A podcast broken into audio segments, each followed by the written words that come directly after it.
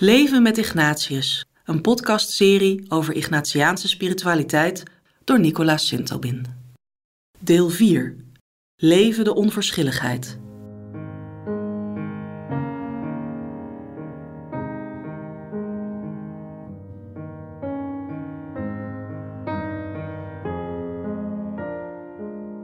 Een goede gezondheid wens ik jou, want dat is uiteindelijk toch het belangrijkste. We kennen deze wens. Een mooi gezin, een gevulde bankrekening, een leuke job, een goede reputatie. Wie droomt hier niet van? Ze lijken een snelle weg te zijn naar duurzaam geluk. Het is duidelijk dat het hier gaat over goede dingen. Maar goede dingen zijn geen garantie voor geluk. Mensen die zich van het leven beroven, kunnen een uitstekende gezondheid hebben schatrijke mensen kunnen ten onder gaan aan verdriet. Hoe kunnen we hier het best mee omgaan? Ignatius stelt dat de zin van ons bestaan ligt in het deel hebben aan het leven en de liefde van God. De schepping biedt ons veel om dit doel te bereiken. Gezondheid, rijkdom, eer.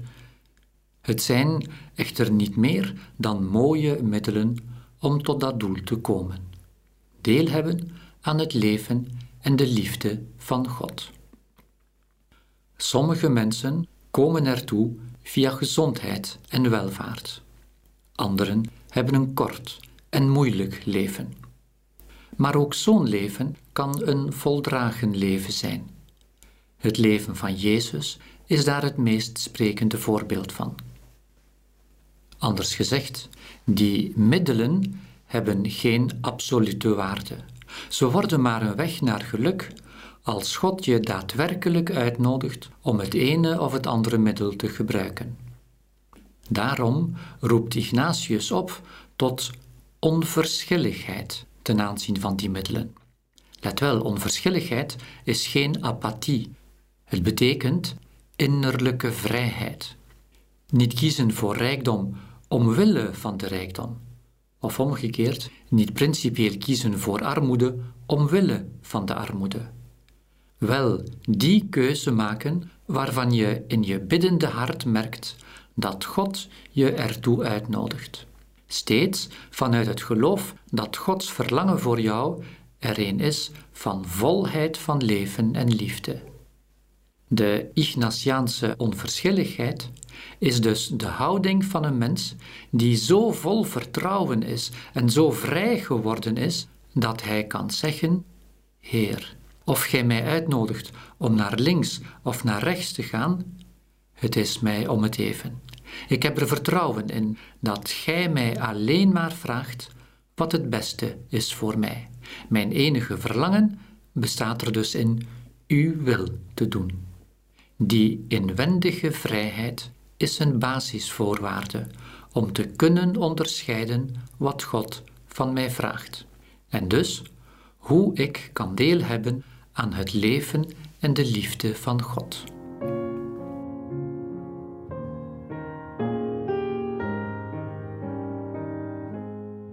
Het probleem is dat wij vaak de neiging hebben ons zo aan middelen te hechten dat zij doel worden. Sommige mensen lijken alleen te leven voor geld, reputatie of nog erger, de fles. De rest moet wijken voor deze afgoden.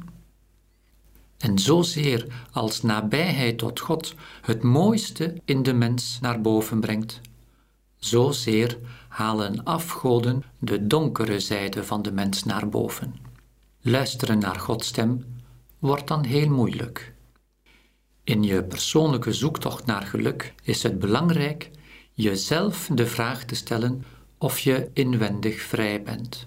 Wat is doel en wat is middel in mijn leven? Zonder uit het oog te verliezen mild en nederig te zijn. Want het is bijna onvermijdelijk dat wij ons hechten aan zaken of mensen, ook op manieren die ons innerlijk onvrij maken. Daar radicaal mee kappen is niet realistisch. Een medebroeder vertelde mij ooit over witte konijntjes. Een jongetje toont zijn vriendje zijn speelgoedkast en zegt hem: Je mag kiezen wat je wil. Ik geef het je cadeau. Alleen mijn wit konijntje, dat mag je niet nemen. Dat is echt alleen voor mij. In al onze binnentuinen lopen witte konijntjes rond. Grote of kleine dingen, houdingen, dynamieken, waar we meer aan gehecht zijn dan ons lief is. Menselijk. Het is al een grote stap als je kunt toegeven dat die er zijn. Mogelijk kun je met de jaren afscheid nemen van een of ander wit konijntje. Het is goed daaraan te werken, maar wees erop voorbereid dat de kans groot is dat er snel een ander konijntje in de plaats zal komen.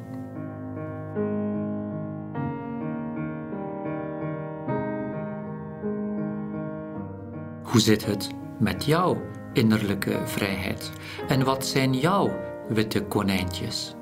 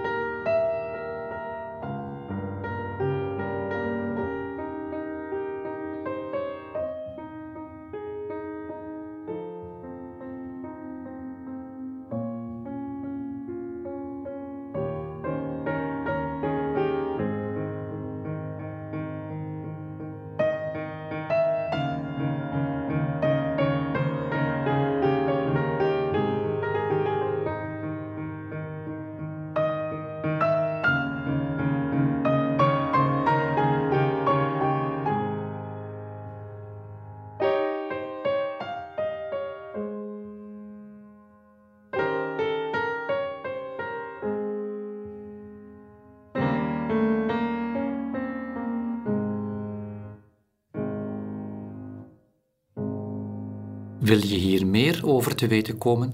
Lees dan het boek Leven met Ignatius op het kompas van de vreugde. Deze serie podcasts is een samenvatting van dit boek.